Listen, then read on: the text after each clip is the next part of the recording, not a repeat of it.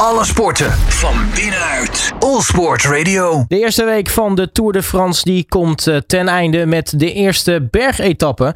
Kunnen we spektakel verwachten in eh, de rit naar La Planche de Belleville? Nou, iedereen hoopt in ieder geval van wel.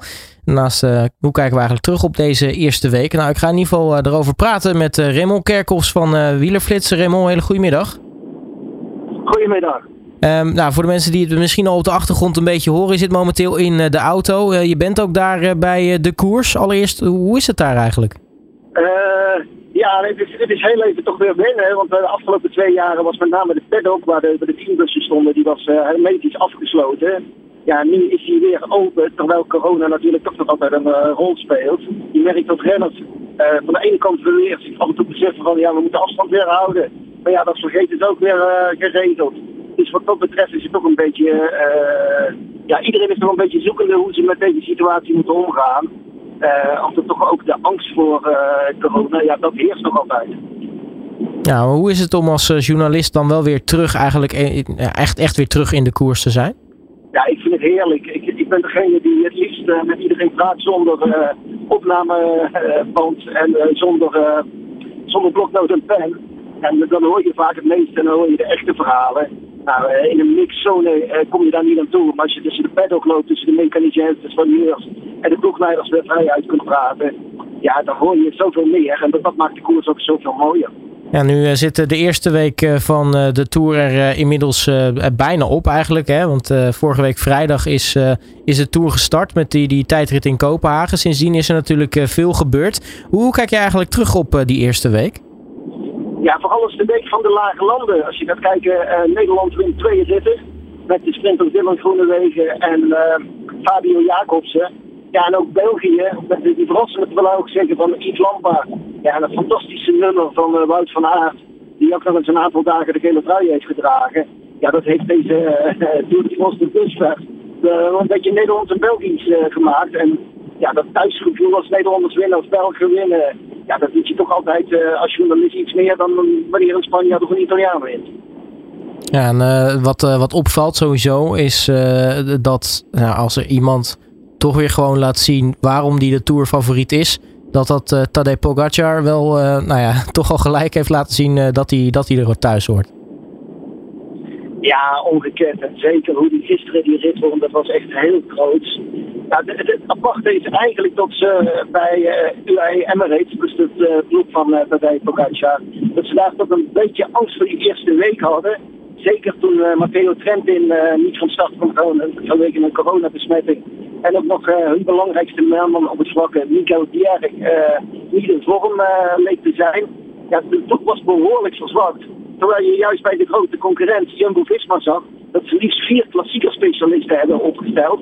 Wout van Aert, Christophe Laporte, Dries Benoot en Nathan van Hooydonk. Juist om die in die eerste week een verschil te maken. Als we dus nu aan de, de vooravond, ja, de start is geloof ik uh, over 10 minuten, van de eerste bergrit naar La Planche Belfië in de Vergezen. Als we daar dan de balans op maken, ja, dan staat Pogacar gewoon heel in de gele trui. Heeft ingedaagd uh, de concurrent van uh, Jumbo-Visma 32 seconden achterstand. Ja, en Roglic is door een val al uh, op, op ruim twee minuten gezet. Dus eigenlijk heeft Pogacar in die week, waar hij zelf vrees voor had, heeft hij al een behoorlijke dreun uitgedeeld.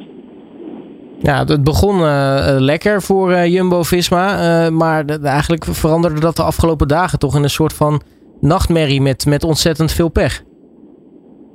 Ja, vooral aan die kasseierrit naar Arendberg zijn met drie kopmannen gestart. Wout van Aert, die viel al op 96 kilometer. Vierde dag, die had een vastlopende ketting. Ja, en in de finale ging ook nog een Schootliedje hard onderuit. Dus zelfs een kom in de schouder zetten. Ja, het is ongekend dat juist al je drie, de, de kopmannen in zo'n rit uh, door pech uh, worden uh, achtervolgd. Ja, dit heeft hem behoorlijk wat veel gekost. Ja, het is iets ja, wat je... Dan eigenlijk die sheriff van, van, van gisteren naar Longwy kijken, ja, dan was totaal niet te begrijpen die actie van Wout van Aert. het was een aankomst die eigenlijk op zijn lijf geschreven was. Mm Hij had niet alleen de rit kunnen winnen, maar daar ook nog zo'n voorsprong in de gele trui iets kunnen uitbreiden. En, en zeker een dag langer in de gele trui kunnen rijden.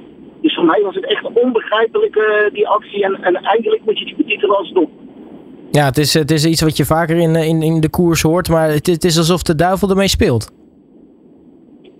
Nee, maar dit is gewoon een tactische verkeerde keuze geweest. Want ze waren bij Jumbo maar helemaal overtuigd dat er geen controle in het peloton zou zijn in die rit. En zij wilden na die zware uh, kasseienrit, waarin ze zoveel werk hadden moeten verrichten, wilden ze die no nogmaals de, de controle gaan opeisen. Ja, daarmee heeft Van, van de vrijheid gekregen en gekozen voor de aanval. In de hoop dat hij met een groepje van 10, 15 renners vooruit kwam. Maar ja, dan denk ik, als je dan ziet dat er maar twee renners bij je aanhaken, ja, dan moet je ook gewoon zeggen, deze uh, mogelijkheid is niet gelukt. Krijg in de remmen en schakel over op een ander scenario.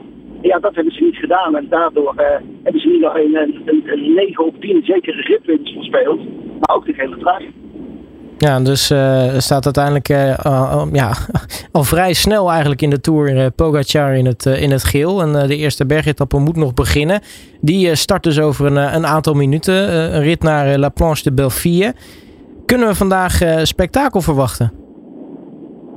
Ja, absoluut. de aankomst ligt net zoals met de klimtijdrit. En ook als enkele jaren daarvoor op La Super de Planche Belleville. Dat betekent dat hij nog echt een kilometer verder ligt dan, dan de oorspronkelijke finish. En dat betekent dat de renners via een gravelpad met stijgingspercentages tot 24%, dat is echt ongekend stijl. Iemand die van stijlheid iets weet, de, de Keutenberg in Nederland, dat is de stijlste klim, is 22%. En hier moeten de renners dus naar 24% gaan. En dat op een gravelweg. Ja, ik was hier een tijd geleden met Demi Vollering, uh, die die uh, klim ook ging verkennen. Met het oog op uh, de Tour de France de Femme, die direct naar de, de mannentour stapt. Ja, en Demi zei ook van, als je even niet vol kracht kunt zetten, dan voel je op dat gravel, op dat grind, voel je gewoon het achterwiel wegslaan op die steile gedeeltes. Ja, dus het gaat zeker een sensationele aankomst worden. Wie, wie verwacht jij dat dat laat zien? ja, de, de, wie, wie echt als klassementrenner toch, toch wil meedoen? ja, sowieso, Pogacar zal natuurlijk gewoon weer diezelfde vorm laten zien die hij al bezit deze week. Ja, nou, dat was gisteren de persconferentie van Pogacar. En toen werd hem gevraagd van hoe hij dan naar deze tour keek. Toen zei hij, ja, deze rit in Longwy, die had ik helemaal niet aangekruist. En ook bij de start had ik helemaal niet gedacht dat ik hier zou kunnen winnen. Want ik, heb juist al mijn zinnen gezet in de rit naar La Planche. Mijn vriendin en mijn ouders, die wachten me op boven op de top. Ik heb natuurlijk de goede sensaties van 2020. Toen ik hier in de klimtijdrit op de voorlaatste dag van de tour Primoz Roglic alsnog uit de trui kon rijden. Ja, ik wil gewoon weer winnen op La Planche de Belfie. Ja, met de vorm die hij deze week demonstreert. Ja, ik weet echt niet wie, uh, wie hem gaat koppen.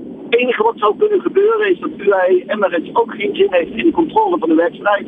En dat vluchters uh, de vrijheid gaan krijgen. Maar als, als de favorieten samen aan het slotklim beginnen, dan zet ik echt uh, mijn geld volledig in op uh, Pogacar.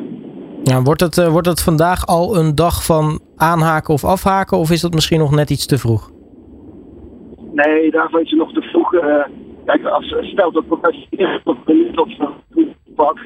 Ik denk dat een half minuut ongeveer maximale hier is.